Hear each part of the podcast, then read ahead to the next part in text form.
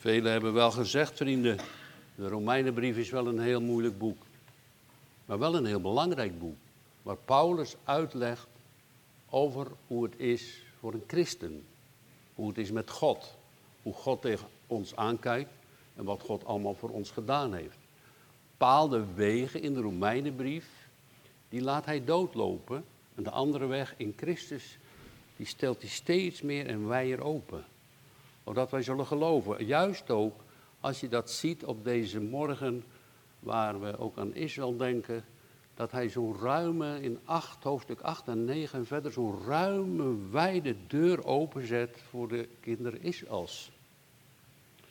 Omdat ze die, opdat die hun heren zouden leren kennen en hem zullen gaan aanbidden. Jezus de Christus. En als wij nu dat hoofdstuk, hoofdstuk 5 hier voor ons hebben, vrienden, dan wil ik met u nadenken over de liefde van God. En die liefde van God die is grenzeloos. Er zijn niet beperkingen bij God. De liefde van God die verandert ook nooit. Want hij is dat zelf. God is liefde. Bij ons kan het zomaar wat heen en weer gaan. Ene keer is er soms meer haat in ons hart en dan weer liefde misschien een beetje. Maar bij God is het onveranderlijk. Een onveranderlijke liefde en die is ook grensloos. Het is niet afgebakend op Israël alleen. Nee, maar God doet goed aan boze en goede mensen. Hij geeft de zon en het regen over mensen die helemaal van hem afwijken, niets met hem te maken willen hebben. Toch geeft God voedsel, eten, zon, licht, maan, sterren tot onderhoud van deze wereld. Zijn goedheid is onbeperkt en zijn liefde is ook onbeperkt.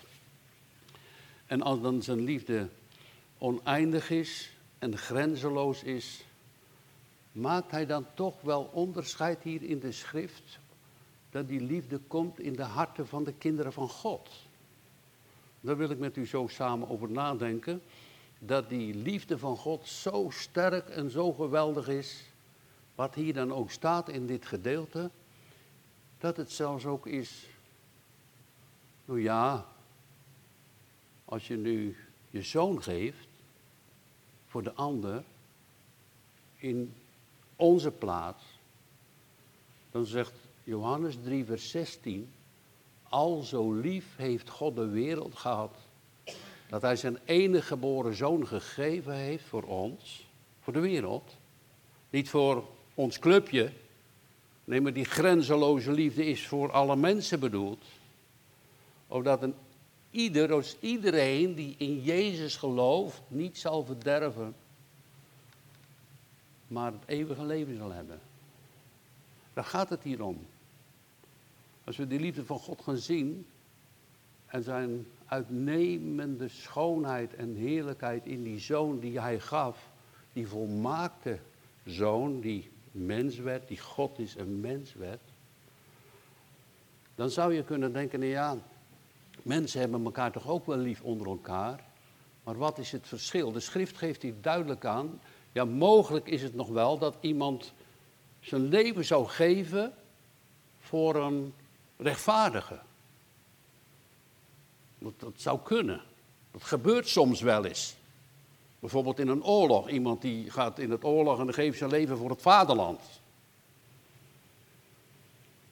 En je kan dat ook wel zien of, of tenminste, ik heb dat dan ooit gelezen in een boek, ik heb het nooit gezien.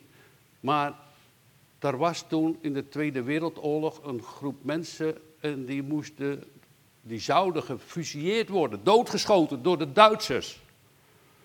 Maar er stonden bijvoorbeeld, ik zeg maar, twintig mensen. En dan om en om werd iemand doodgeschoten. Dus hij krijgt de kogel, u niet, hij wel, u niet, hij wel. En dat werd gezegd. Er stond daar een oude man. En die zegt: Hé, ik krijg de kogel niet, maar die kleine jongen naast me wel. Hij zegt: Ruilen. Ruilen. Toen werd die oude man doodgeschoten en die kleine jongen niet. Dat, dat gebeurt wel. Dat is wel gebeurd, dat is geweldig natuurlijk. Maar als hier staat dat Gods liefde zo groot is, waar moeten wij dan op letten? Hoe weten wij nou dat God ons zo lief heeft? Hoe kunnen wij dat dan zien? Dan moeten we kijken op het kruis. Wij moeten naar dat kruis kijken. En daar op Golgotha stonden drie kruisen, u weet dat toch? Eén aan de rechterhand en de ander aan de linkerhand. En de een verhardde zich en bleef doorspotten. Tot waarschuwing voor ons. En kwam om voor eeuwig. Die ander niet. Tot bemoediging. Dat God zo vol van liefde is en hij werd gered. Hij moest zichzelf beschuldigen, die ene aan de rechterhand van God, wij toch rechtvaardiglijk. Maar deze tussen ons in heeft geen kwaad gedaan. Willen wij iets weten over de liefde van God, dan moeten we naar het kruis kijken. Naar Hem. Wat Hij voor ons deed.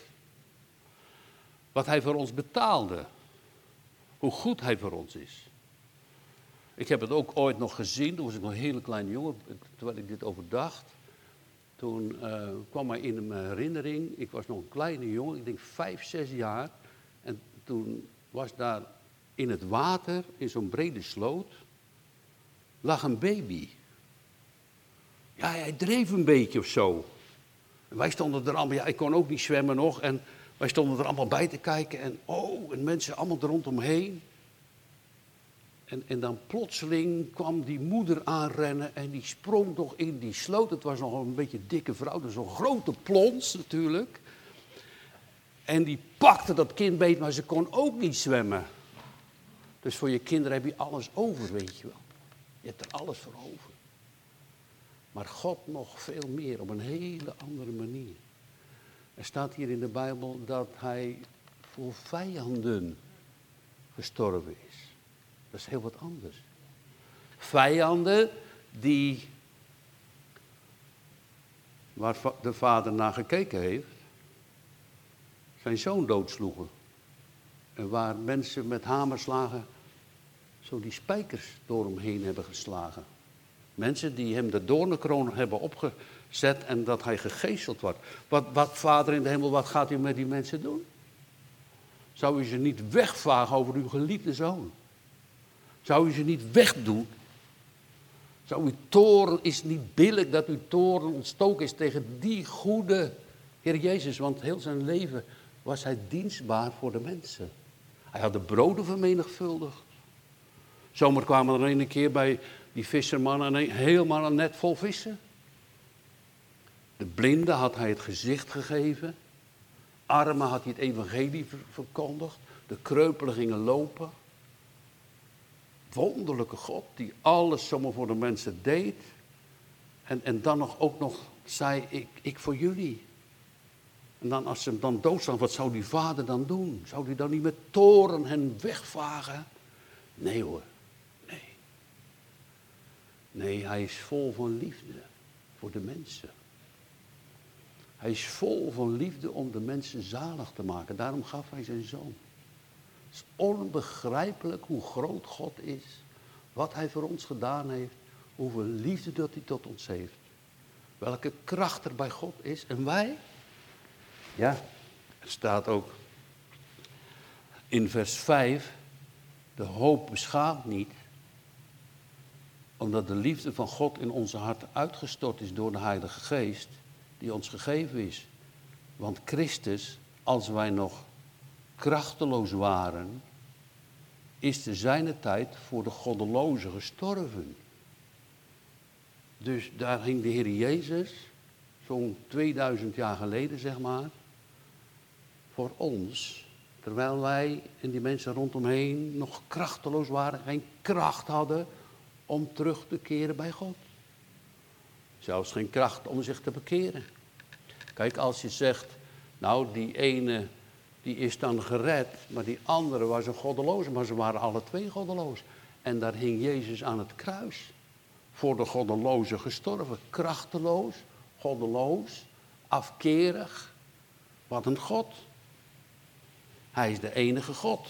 Hij kwam voor de mensen. God gaf Christus aan ons. Weet u wat het betekent? De ouderling had vanmorgen gebeden wil u vanmorgen de zalving geven van de Heilige Geest voor ons en voor de prediker, voor ons allemaal. Bij de muziek, voor ieder die een taak heeft, de zalving van God. Maar er staat in de Bijbel dat Jezus Christus is, dat betekent de gezalfde van God. Vol van de Heilige Geest. Vol van genade en liefde en trouw. En nu gaat apostel Paulus het ons uitleggen. Ik ga het even met u terug. Wat hij zegt. En dat is wel belangrijk, dat hij dus de weg, ik zei net al in het begin, Paulus heeft bepaalde wegen afgesloten en bepaalde wegen heel ruim opengezet. De weg van Christus. Hij heeft de weg afgesloten als wij door de heilige wet willen proberen zalig te worden. Dus heel goed je best doen. Ja, nou, dan zal God mij wel aannemen. Maar na de wet hebben we dus ook verder gelezen, ook nog met de Bijbelstudie, in hoofdstuk 4, vers 4 van de Romeinenbrief. Dat je dan, als je dus allemaal goed je best doet, dan krijg je loon nadat je dus eigenlijk schuld hebt. Dus dan moet je eigenlijk afbetalen wat je al schuldig bent. En je komt nooit tot het goede bedrag. Dat gaat niet. Maar die door het geloof op Jezus ziet, door het geloof op Hem ziet, dan worden wij gerechtvaardigd. Daar begint onze tekstwoorden mee. Wij dan gerechtvaardigd zijnde uit het geloof, hebben vrede bij God door onze Heer Jezus Christus. Dus de weg is afgesloten van de goede werken. En toch zit dat vaak heel diep in je hart. En toch hoor je dat ook heel vaak bij allerlei mensen. Als je hier zo door deze stad Uden rijdt of andere plekken, maar je mag ook naar je eigen hart kijken, dan merk je dat er, ja, ik had vanmorgen een mevrouw opgehaald, Lina, en ze zegt, ja, waar, zijn al die mensen? Gaan die nou nog naar een kerk? Normaal niet meer. Alleen als ze dan gestorven zijn, dan wordt er heel veel goed over hen gesproken, want het was toch een goed mens. Het moet toch goed zijn bij hen in de hemel. Maar die weg heeft Paulus afgesneden. Daar kom je nooit. Al was je nog zo goed voor de buurvrouw, al was je nou zo goed nog voor die ander, al heb je nog zoveel gedaan voor je kinderen, al was je goed voor je vrouw of voor je man, of, of noem maar op, al was je nog zo goed. Het is natuurlijk niet verkeerd om goed te zijn, dat bedoel ik natuurlijk niet.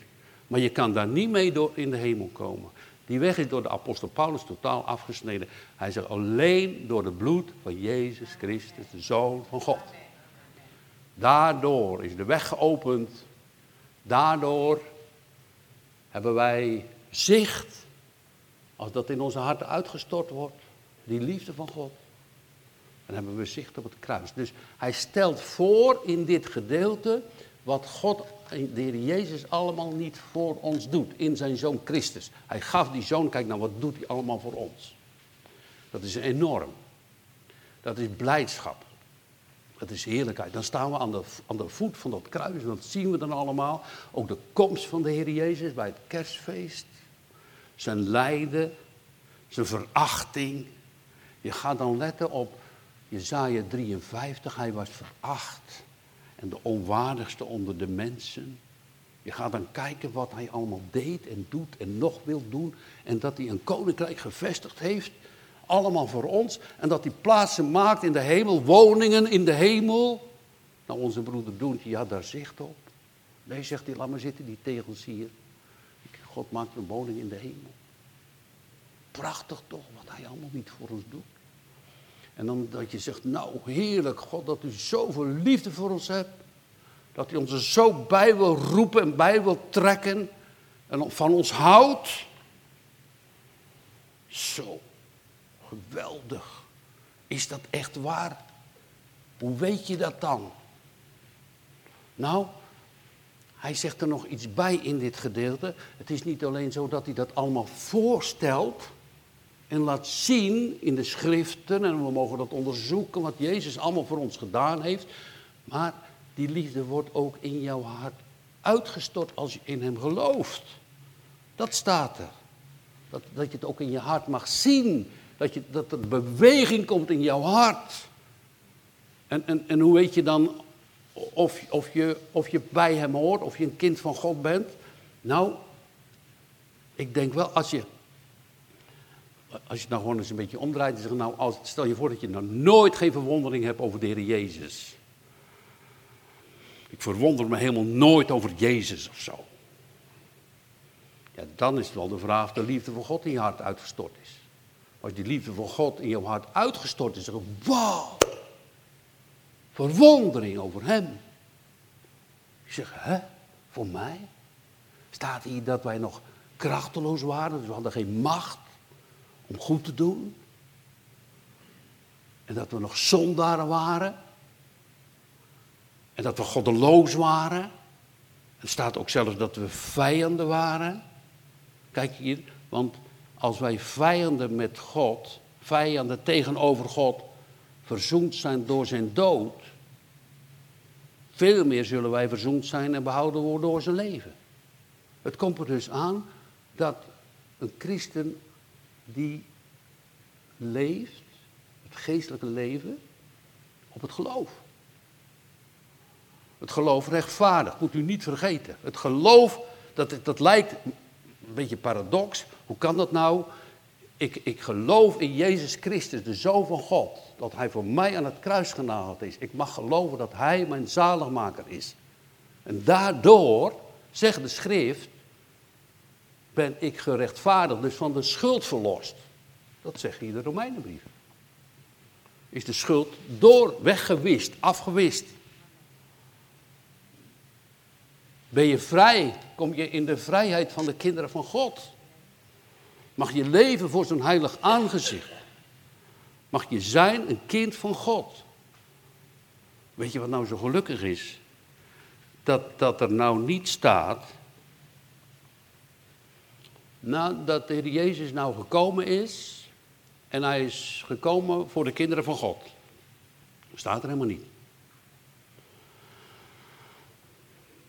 Er staat ook bijvoorbeeld niet hij, dat de Heer Jezus gekomen is voor het kerkje in Uden. Staat er ook niet. De Heer Jezus is gekomen voor de mensen die Hem zoeken en heel goed opletten op Hem. Staat er ook niet. Staat er echt allemaal niet. Ik wil bij de tekst blijven. Wat je ook maar kan noemen waar wij dus een pre in zouden kunnen vinden. Of een voorbeeld dat je denkt, nou dat is goed als ik dat doe of dat doe. Nee, hij kwam voor vijanden. Dat moeten we laten staan. Dat snap je niet. Kijk, als die man dan zegt, oh ja, hij telt af, die kleine jongen wordt dadelijk doodgeschoten. Maar ik ken de Heer en hij zou nog tot geloof kunnen komen. Hij had een toekomst. Hij had dus liefde voor die jongen. Die jongen die was hem natuurlijk niet vijandig, want hij ging in zijn plaats staan en die kleine jongen ging hier staan. Hij werd doodgeschoten en die kleine jongen niet. En die kleine jongen, wat gebeurde daarmee? Nou, die vergeet het heel zijn leven niet meer, hè. Die weet het, ja, die man, hè, die zou best wel zijn naam en misschien ook het graf nog bezocht hebben. En altijd in zijn gedachten. Die houdt in zijn gedachten wat die man voor mij gedaan heeft. En zo kan het ook zo zijn dat de gebeden hè, van, van, van ouders of van de gemeente hier, en het was ook mooi dat Jaap er net zo voor zijn vrouw ging bidden. Ik denk, ja, laat Jaap maar bidden voor zijn eigen vrouw. Als God de gebeden verhoort, dat is zo geweldig mooi dat God dat ook verhoren wil. Wat een verantwoordelijkheid heb je dan, hè? Als je, als je dan, stel je voor, die man die gelooft in God, hij zegt, nou, ik, ik word niet doodgeschoten, maar hij wel. En, en, en dan komen ze met, zo, met die karabijn, staan ze klaar. Hij ruilt gauw. En dan wordt die jongen niet doodgeschoten, maar welke verantwoordelijkheid heb je dan met je leven? We hebben allemaal een grote verantwoordelijkheid met ons leven om Hem te volgen, om bij Hem te blijven. Om Hem te gehoorzamen, om Hem lief te hebben, om Hem te zoeken, om tot geloof te komen, om tot bekering te komen. Een grote verantwoordelijkheid hebben we allemaal. Vooral zo'n jongen natuurlijk, die op zo'n manier nog gered is. En hoeveel waarschuwingen hebben wij nog niet in ons leven gehad? Als God ons zomaar bepaalde tijden losliet, waar waren we dan? Dan waren we al heel, heel lang geleden al dood. U niet, ik wel. Hij heeft ons bewaard. Hij heeft ons behoed. Hij brengt ons op wegen die wij niet kunnen voorstellen. Gebeuren soms dingen in ons leven dat ik denk, nou, Daar ben ik helemaal niet blij mee. Verdriet, rouw. Er zit ook onder ons. Al, mijn vrienden verloren, zei er een. En nu dan? Gaat maar door, nog weer vrienden, iedere keer weer. Lijkt me. Maar die ene hou je over. Die ene. Die ene naam onder de hemel gegeven, waardoor wij moeten zalig worden. En er staat hier in de Bijbel dat we vijanden waren. Nou, hoe groot is dan Gods liefde voor de mensen? Dat is onbeperkt, grenzeloos, eindeloos, vol heerlijkheid en majesteit. Wat een God. En die hoop beschaamt niet. Als je die liefde voor God in je hart uitgestort, dan ga je hem groot maken, ga je je verwonderen. Want Christus, als wij nog krachteloos waren, is te zijne tijd voor de goddelozen gestorven. Want nauwelijks zal iemand voor rechtvaardigen sterven. Want voor de goede zou het nog wel kunnen, hè? mogelijk nog iemand zou sterven. Maar God bevestigt zijn liefde naar ons toe. Dat is niet toen, maar bevestigd is ook nog steeds nu. Ook vandaag en de dag nog, nog vanmorgen nog. God bevestigt zijn liefde voor u en voor mij en voor u. En voor de kinderen en op de zondagschool. Hij bevestigt zijn liefde naar ons toe, nog dezelfde liefde naar ons toe, dat Christus voor ons gestorven is. Daar hing hij, biddend, voor zijn vijanden. De vader liet hem toen helemaal in de steek op het laatst. En het werd donker. En die ene bleef spotten. En die andere riep God aan.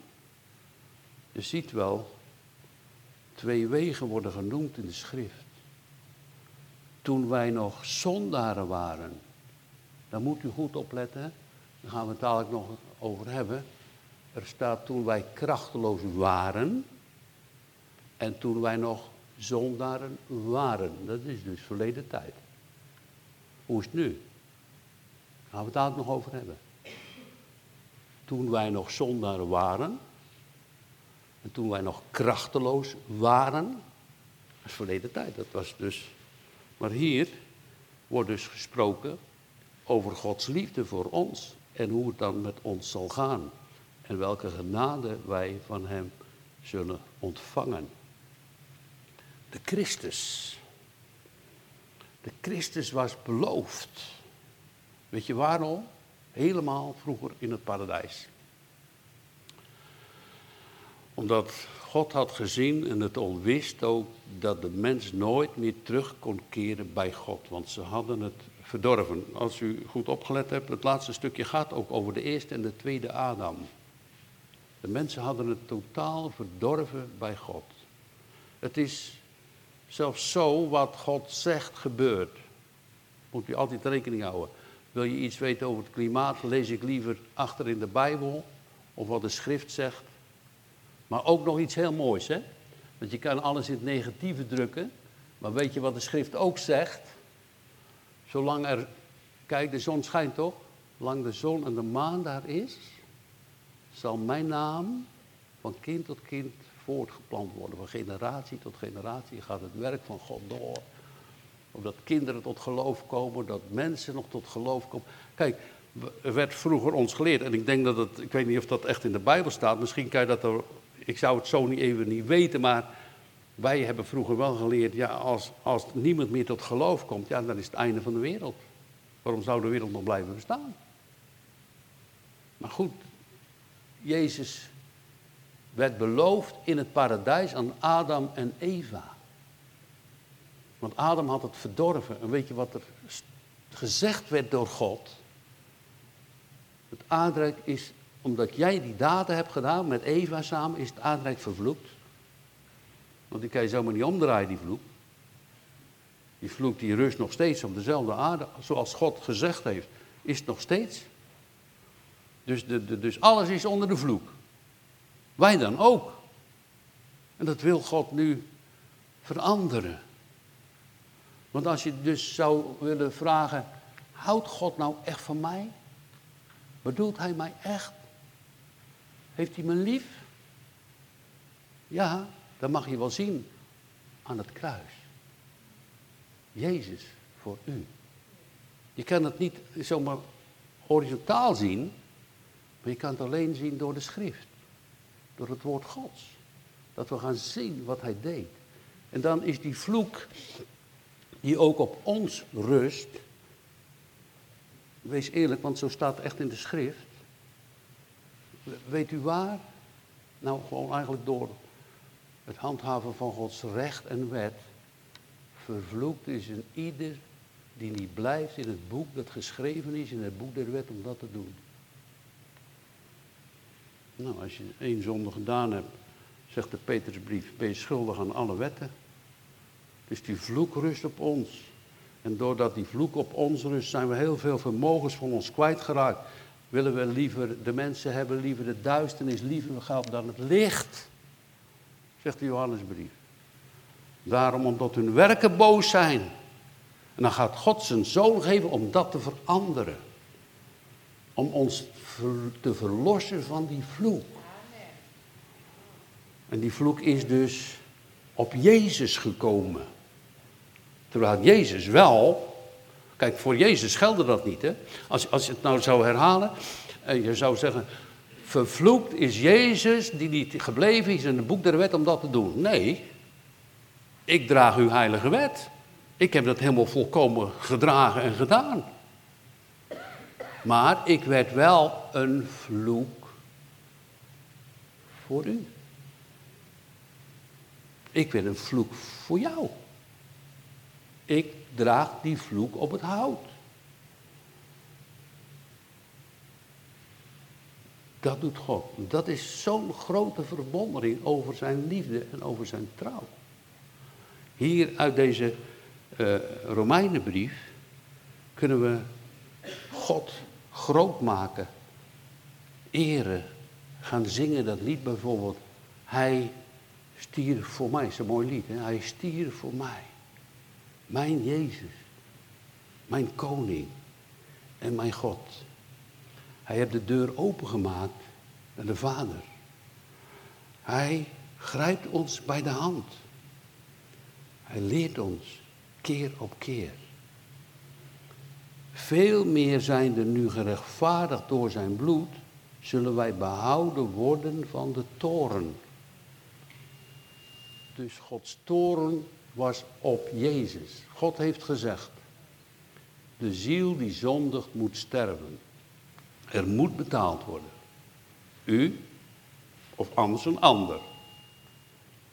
De betaling kan niet geschieden dat God zegt, nou dan gaat die engel wel voor jou betalen. Of een beest. Want dat staat ook heel duidelijk in Psalm 40. Er zijn wel heel veel dieren geofferd. Maar er staat brandoffers en offers voor de schuld. Die voldeden niet aan de eis en de eer van God.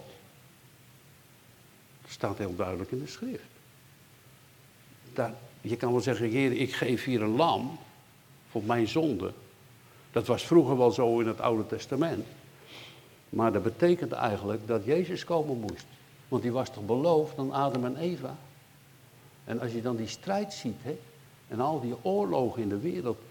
Eh, iemand vroeg van mij vanmorgen over die kruisridders, hè. En dan, en dan al die oorlogen. Nou, ik vind het ook helemaal niks dat ze dus daar uh, zijn gaan vechten. Want de Heer heeft gezegd, niet door geweld. Nieuw-testamentisch, hè. Die kruisridders waren nieuw-testamentisch. Niet door geweld, nog door zwaard, maar door mijn geest zal het geschieden. Kijk, in het oude, mensen maken soms een verwijt dat ze zeggen in het Oude Testament. Waren ze toch ook altijd maar aan het vechten? Maar het Nieuwe Testament toch, is dat toch totaal anders? Kijk, je kan wel zeggen het Oude Testament heeft afgedaan. We hebben nu het Nieuwe Testament. Ik zeg dat niet. Het Oude Testament hebben ze gevochten. Weet je waarom? Omdat de boze machten niet wilden dat Jezus geboren zou worden.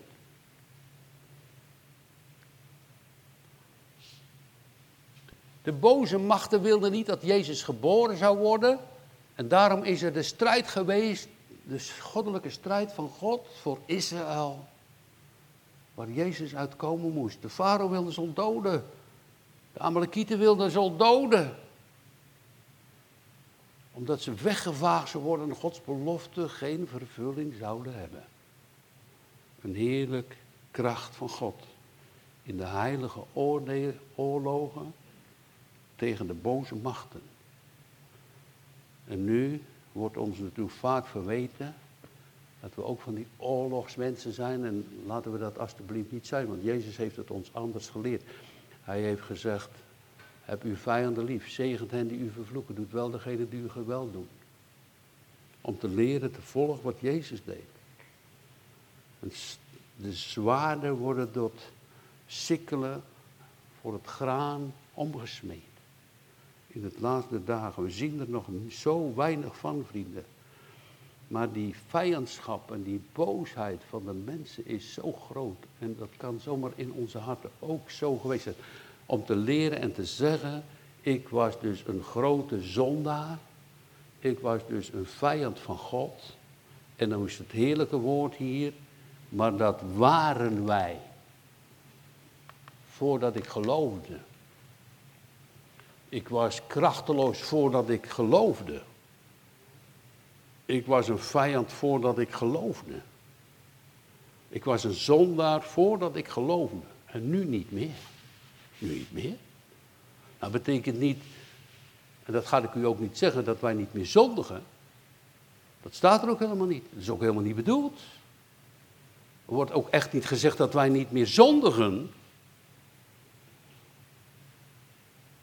Maar dat we zondaren waren. En je bent een kind van God geworden door de liefde van God.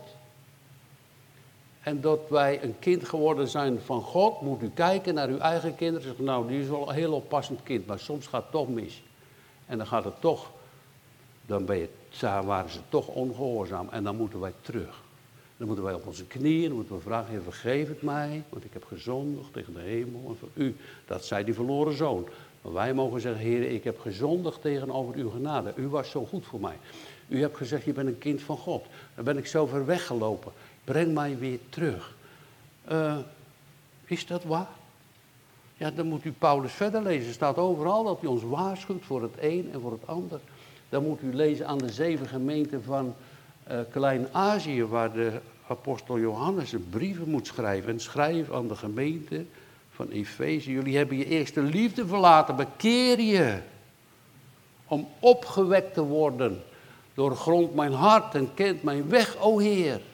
Omdat we op die manier weer de kracht van Gods geest zullen ervaren. Zeggen we nou, weg met die troep. We zien op Jezus. Dus ik ga niet akkoord als die mensen zeggen, nou ik zondig niet meer. Dat ga ik u niet leren, ook niet. Dat is niet waar. Maar wel dat we zondaren en vijanden waren, maar nu in de liefde van God mogen delen. Kinderen van God mogen zijn. En als we eerst krachteloos waren en die liefde van God is in onze harten uitgestort, krijgen we nu kracht van de Heilige Geest om nee te zeggen tegen dingen. En de overwinning te mogen halen in zijn naam. Niet om te zeggen, nou kijk eens wat ik nu allemaal deed. Want dan is het goudlampje gauw uit hoor, is het kaarsje gauw uitgeblust. Hij is bijna uit, zie je Ja. Nee, maar dat we zeggen dat is van u, door u alleen. Als we dan die vloek met ons mee hebben gedragen, en die vijandschap, en die boosheid, en hij alles voor ons in orde maakte, en zijn liefde en zijn trouw aan ons bewezen heeft, dan komt het toch ook echt allemaal van hem. Dan is het toch ook allemaal van en van God de Vader, van zijn Zoon en door de Heilige Geest waarin de apostel Paulus zegt, die roemt, bijvoorbeeld hoogop, spreekt over iets, die spreekt heel hoog op over God, over de Heer. Dat, dat is van u. En dat vind ik mooi. En dat wil ik u ook leren. Want dat is eerlijk. Hij deed alles voor ons. Hij raapte ons op.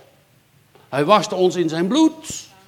Hij gaf ons nieuwe kracht. Hij vervulde ons met de Heilige Geest. Wij mogen nu zien en wij mogen nu weten dat God voor ons is. Hij is niet tegen ons. Nee, wij waren tegen hem. Wij denken soms, ja, God is tegen, tegen mij hoor. Hij, hij wil mij niet hebben. Dat kunnen mensen soms denken. Nee, het is precies andersom. Wij waren vijanden van God. Hij staat met uitgebreide armen. Kijk, en die zegenende handen als hij opvaart, die waren over heel de aarde. Ook voor u. Voor zijn discipelen natuurlijk. En dat het evangelie gezegend zal blijven. Het woord van God door zou gaan en de kracht van de Heilige Geest ervaren zou worden. De heerlijkheid van zijn naam zou gezien worden. Welke God, welke liefde. Houdt God echt van mij? Die vraag die zullen best in het hart voorkomen. Zou, zou ik ook een kind van God mogen zijn? Mensen twijfelen soms. Het is niet vanzelfsprekend. Sommigen hebben gedacht, nou het is toch nog logisch. Je wordt als kind geboren en, en dan ben je toch een kind van God. Nee, dat zegt God niet. Er moet dus, zegt hij in Johannes 3, tegen Nicodemus een nieuwe geboorte plaatsvinden. Opnieuw geboren worden door de Heilige Geest, uit water en bloed. Dat, daar staat Jezus. Dat, is, dat ga ik nou allemaal voor jullie geven, want ik heeft verworven de Heilige Geest. Ik heb alles gedaan, ik ga nu terug naar de hemel en dan komt de Heilige Geest. Het is de Heilige Geest die levend maakt. Het is de Heilige Geest die ons gaat leren toen wij nog zondaren waren. We hoeven niet altijd maar in die mineur te blijven. Of met ons hoofd naar beneden te lopen. Ja, als je zondigt wel. De apostel Petrus zegt ook, hè, als je nou geslagen wordt en je doet foute dingen, ja, dat is je eigen schuld. Dat is je eigen schuld. Je rijdt door het rode licht, krijg je bekeuring, je zit te piepen. Ja, hij moet remmen. Ja. Kun je vrouw de schuld geven die ernaast zit, maar dat werkt ook niet. Die bon krijg, krijg je binnen. Die gaat van je bankrekening af.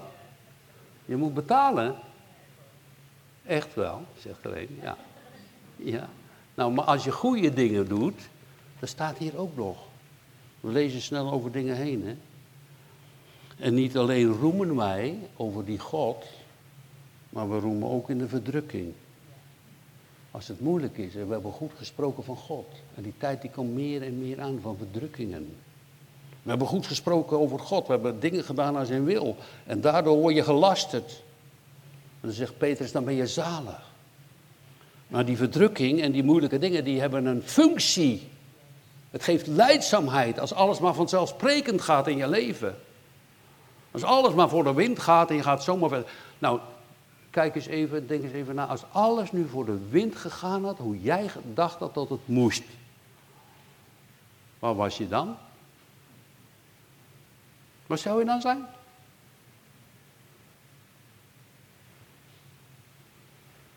Misschien zat je nog in het bos. Nou is het anders, nou zit je hier. Ja, ik zeg maar wat. Ik weet niet hoe het precies is. Snap je? Dus, dus, dus God heeft een plan wat ik niet kan doorgronden. Soms doet het ook pijn, hè? brengt ons op wegen. Kijk, hij, kijk hij, hij brengt ons op een weg waar een geopende deur is. De duivel brengt ons op een weg die loopt naar beneden toe. Het is een doodlopende weg. En om nu de weg, die brede weg, of die brede poort van God, niet de brede weg naar de hel, maar de brede weg, de smalle pad naar de hemel is een brede poort, geopend door Jezus Christus. Om daar nu op te wandelen, dan krijg ik dus best wel tegenslag. Verachting. Jij met je kerk. Jij altijd met geloof. Dat soort dingen. Hij zie je aanvallen. Om je in de twijfeling te brengen. Maar als die liefde van God in jouw hart uitgestort is, dan wil je graag dat iedereen dat gaat zien en gaat geloven. Je gaat erover spreken. Je gaat zeggen dat behoud is in Jezus Christus, de Zoon van God. Je wil heel graag dat het goed gaat met de ander. Hoe goed gaat het? Nou, met onze kinderen gaat het wel goed hoor. Ze hebben allemaal een goede baan, zou je kunnen zeggen. En die buurman zei het ook nog een keer. Een vroegere buurman. Nou, het gaat wel goed hoor. We hebben zoveel dochters en uh, ze hebben allemaal een goede baan en uh, ze gaan naar de kerk en zo. Ik zeg maar, ik heb hem gevraagd, geloven ze ook in de Heer Jezus? Ja, dat kan je zomaar niet zeggen. Zeg, nou, maar dan kan je toch niet zeggen dat het goed gaat? Dat is het juist. Geloven wij in Hem. Dat prediken wij. Dat willen wij aan uw hart leggen. Dat we gaan zien hoe lief God ons heeft. Ga nou nooit denken dat God je weg wil vagen, maar God wil je behouden en behoeden en bewaren. Als je daar enig zicht over krijgt, dan krijg je pijn in je hart en zorg over je hart als je ziet dat iemand een verkeerde spoor gaat volgen. Dan denk hé, hey, dat is gevaarlijk. Dan roep je hem terug. Ho, ho, doe dat niet. Dat is een doodlopende weg. Er zit dus een andere boze macht die wil ons juist niet in die liefde van God hebben. Die wil ons in de haat en in de verdrukking, in de dood en allerlei dingen op ons af. Media, weet ik wat, allemaal nog niet meer. Er komt op ons af om ons werkelijk in die vloek te houden en ons voor eeuwig bij God weg te houden. Er is dus heel belangrijk dat we samenkomen om de prediking van het woord. Omdat we de schriften gaan onderzoeken. Wat zegt u, Jezus Christus? Ik zeg het niet, het staat hier hè. Ik heb het niet gezegd dat wij vijanden waren. Ik heb niet gezegd dat we krachteloos waren. Ik heb niet gezegd dat we grote zondaren waren, zegt Gods woord. Als u die hele Romeinenbrief leest van tevoren, weet u wat hij dan zegt. Nou, een keel is een geopend graf. Nou, dat is toch niet zo mooi, of wel? Slangenvenijn is onder hun lippen. Zo. Als mensen zomaar achter een stoplicht, als jij niet een klein beetje meer gas geeft, je onder een dood, die vent, rijdt door. Weet je zo, kleinste dingen. Een keel is een geopend graf, slangenvenijn is onder de lippen, de dag van de vrede hebben ze niet gekend. Hun voeten zijn snel om bloed te vergieten. Zegt God van de mensen hoor. Van u en van mij ook. Maar als we tot geloof komen, komt er vernieuwing, verandering. Dan waren wij vroeger zo, willen ons vernieuwen, maar nu niet meer. Mogen we loven en prijzen, God roemen en danken en eren. En als je daarover twijfelt, als je het niet zeker weet, zegt de apostel Paulus, Maak dan uw roeping en verkiezing vast. Dat je weet, ik sta op dat vaste fundament. Het vaste fundament van God. Die ons roept. Die ons kent. Die zijn zoon gaf. Die in onze plaats daarheen. Mogelijk, geeft hij tot voorbeeld, nog een keer.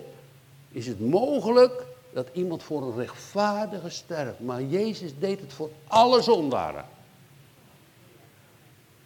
Allemaal. Nou, anders heb je Jezus niet nodig. Hij zegt het zelf toch? Ja, moet je kijken. Zeiden de fariseeën en de schriftgeleerden. De meester, uw meester Jezus, eet met hoeren, tollenaren en zondaren. Dat kan toch niet? Je moet toch netjes zijn en niet met die vuile boel te maken willen hebben. Nee, de meester gaat daarmee eten. Hij houdt van die mensen. Want weet je waarom? Dat hij veel van die mensen houdt. Hij kan daar zijn woord kwijt. Die eten dat op. Wauw. Dus voor mij ook. Verwondering. Wauw. Voor mij. Heb u dat nooit? Voor mij. Dat is toch mooi? Die, die, die kleine jongen, weet je. Joh, doe je dat voor mij? Dat ik niet doodgeschoten word, jij wel? Dat is toch mooi? Dat is toch geweldig? Dat is toch liefde van God. Als hij dat doet tegenover de vijanden. En ons thuis brengt. Ons bekroont met goede tierenheid. Draag hij die doornenkroon. Moet je lezen Psalm 103. Die ons kroont met goede tierenheid. De goedheid van God over je. De heerlijkheid van zijn naam over jou. Om je zo te leiden en te brengen in de vernieuwing van de geest en het woord. Moet je altijd erg in hebben. De Heilige Geest gaat nooit buiten de Bijbel om. Tegenwoordig heel veel geestelijke dingen. Het strookt niet met Gods woord. Moet je er geen acht op geven. En ik denk ook als je geen verwondering hebt over de Heer Jezus moet je je geloof nakijken, want het kan wel surrogaat zijn hoor. Als je nooit geen verwondering over Jezus hebt, nou, dan weet je niet uit welke diepe put je gehaald bent. Zomaar aankomen vliegen. Kan zeker wel dat er een verschil van geloof en bekering is. Maar dat je je verwondert over Hem, moet je de schriften aan onderzoeken. Wie is Hij voor ons? Die grote God, die ons volmaakt wil hebben. Hij zegt nog in vers 8, lezen we nog een keer. God bevestigt voor u, voor ons nu nog vanmorgen, zijn liefde. Dat Christus voor ons gestorven is. Als wij nog zondaren waren, verleden tijd. En nu een geliefd kind. Dat gun ik u van harte. Dat u zo ook als een kind van God mag leven. En soms zit je, lukt dat niet helemaal. Moet je gaan kijken hoe dat komt. Heb je ook wel gebeden? Heb je de schriften gelezen? Kijk, als je die liefde van God in je hart krijgt, uitgestort. Je hebt hem dus eerst gezien, dat is helemaal uitgeschilderd wat hij allemaal deed. En dan zegt de apostel, dan wordt die liefde ook nog een keer in jouw hart uitgestort. Nou, als je die liefde van God in jouw hart uitgestort krijgt, weet je wat liefde doet? Kijk, onze, dat, dat, dat hebben Anneke natuurlijk ook, onze kinderen zitten nu in, in, in Singapore, een paar van onze kinderen. Nou, dan zeg ik, nou, dat zou je toch graag willen zien? Je hebt daar een aantrekkingskracht toe. Dat hebben u natuurlijk toch ook met mensen in het buitenland, uw kinderen, of die ver weg zijn. Dan denk je, oh ja, die zou ik toch wel graag willen zien. En als je heel veel van je vader houdt, zoals jullie, en hij pas gestorven, ja, dan zou je hem toch graag nog willen zien. Dat, is, dat doet de liefde. Zo willen wij de Heer Jezus zien. Zo willen wij opmerken wie Hij is. Gaat ons hart uit naar Hem. Omdat die liefde van God in ons hart uitgestort is. En wij mogen leven uit Zijn kracht en door Zijn genade. Halleluja. Amen.